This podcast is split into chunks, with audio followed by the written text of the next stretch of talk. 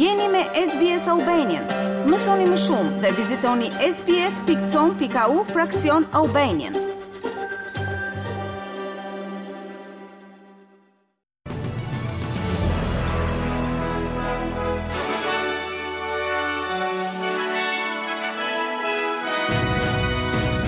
Në buletinin e sotëm informativ do të ndiqni. Kryeministri njofton një investim prej 70 milion dollarësh në një qendër hidrogjeni në Queensland. Shtetet e Bashkuara dhe Japonia riafirmojnë angazhimin e tyre për eksplorimin e hapur dhe në bashkëpunim të hapësirës.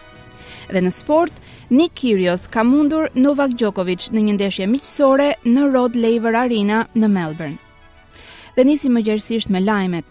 Kryeministri Anthony Albanese ka njoftuar zhvillimin e një qendre të re hidrogjeni në Townsville në verilindje të Queensland.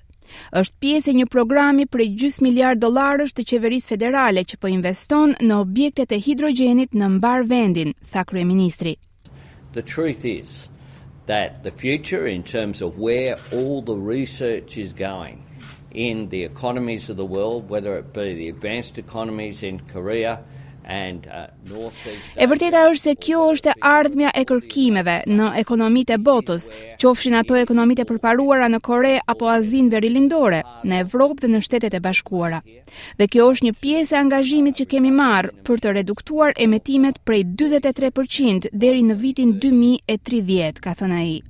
Zoti Albanese shtoi se investimi prej 70 milion dollarësh në impiantin e hidrogjenit do të krijojë gjithashtu mijëra vende të reja pune.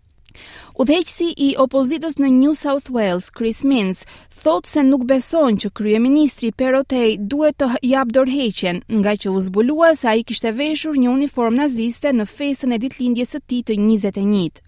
I pyetur për skandalin e fundit, Minns e quajti incidentin një gabim të madh. Look I just say in relation to that issue obviously first up it was obviously a big mistake that he made uh, at that time I think it's important Thjesht po them në lidhje me këtë çështje se padyshim është një gabim i madh që ai bëri në atë kohë. Mendoj se është e rëndësishme të pranojmë se ka kërkuar falje të sinqertë për këtë. Nuk mendoj se kjo do të ndikojë në fushatën e zgjedhjeve të ardhshme. Mendoj se njerëzit në New South Wales do të marrin vendime bazuar në shumë çështje të tjera që po debatohen, ka thënë Minns. Incidenti vjen vetëm dy muaj para zgjedhjeve në New South Wales që do të mbahen më 25 mars. Bregdeti verior i Queensland është paralajmëruar se mund të ketë përmbytje potencialisht të rrezikshme për jetën.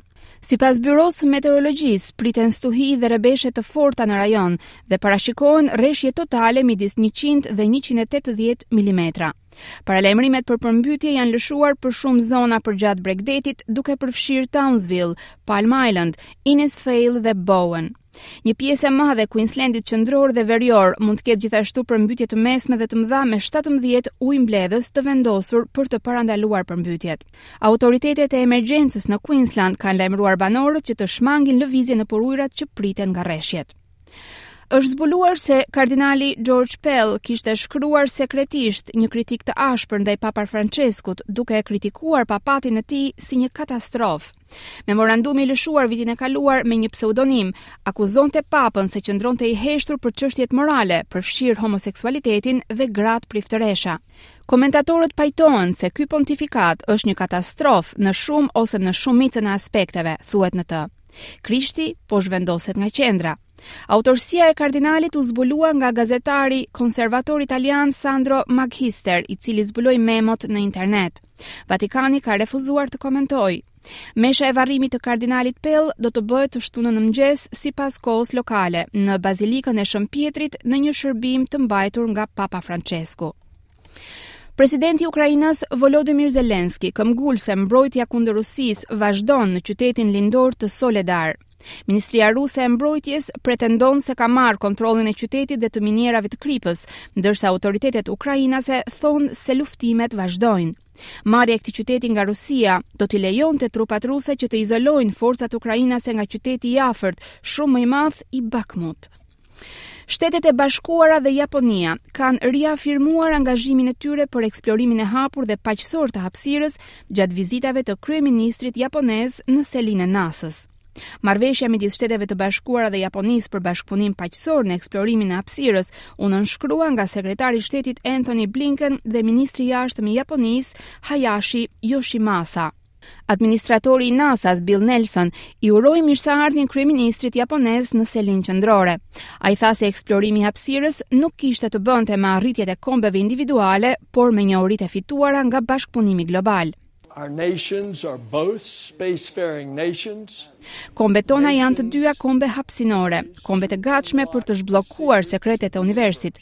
Dhe sot ne po riafirmojmë edhe një herë se Japonia dhe Shtetet e Bashkuara eksplorojnë hapur, eksplorojnë në mënyrë paqësore dhe së bashku.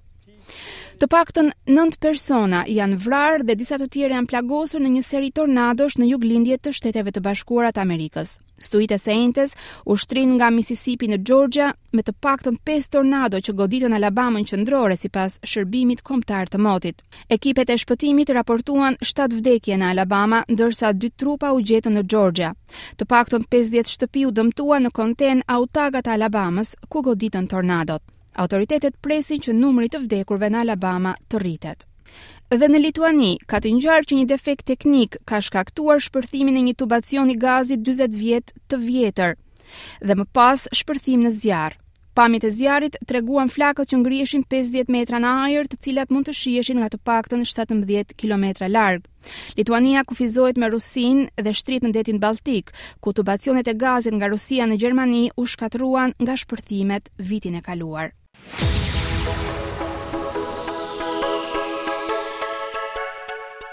Dhe në sport, Nick Kyrgios ka mundur Novak Djokovic në një ndeshje miqësore në Rod Laver Arena në Melbourne.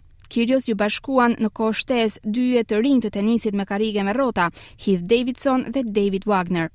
Përballja miqësore ishte një përsëritje e finales së Wimbledonit për meshkuj të vitit të kaluar dhe një nxehje për Australian Open, i cili fillon më 16 të këtij muaji.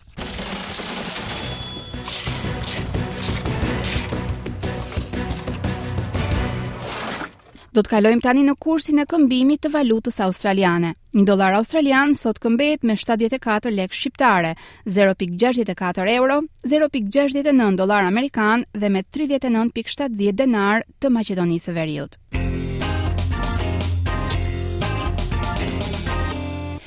Vazhdojmë me parashikimin e motit për ditën e sotme dhe të nesërme.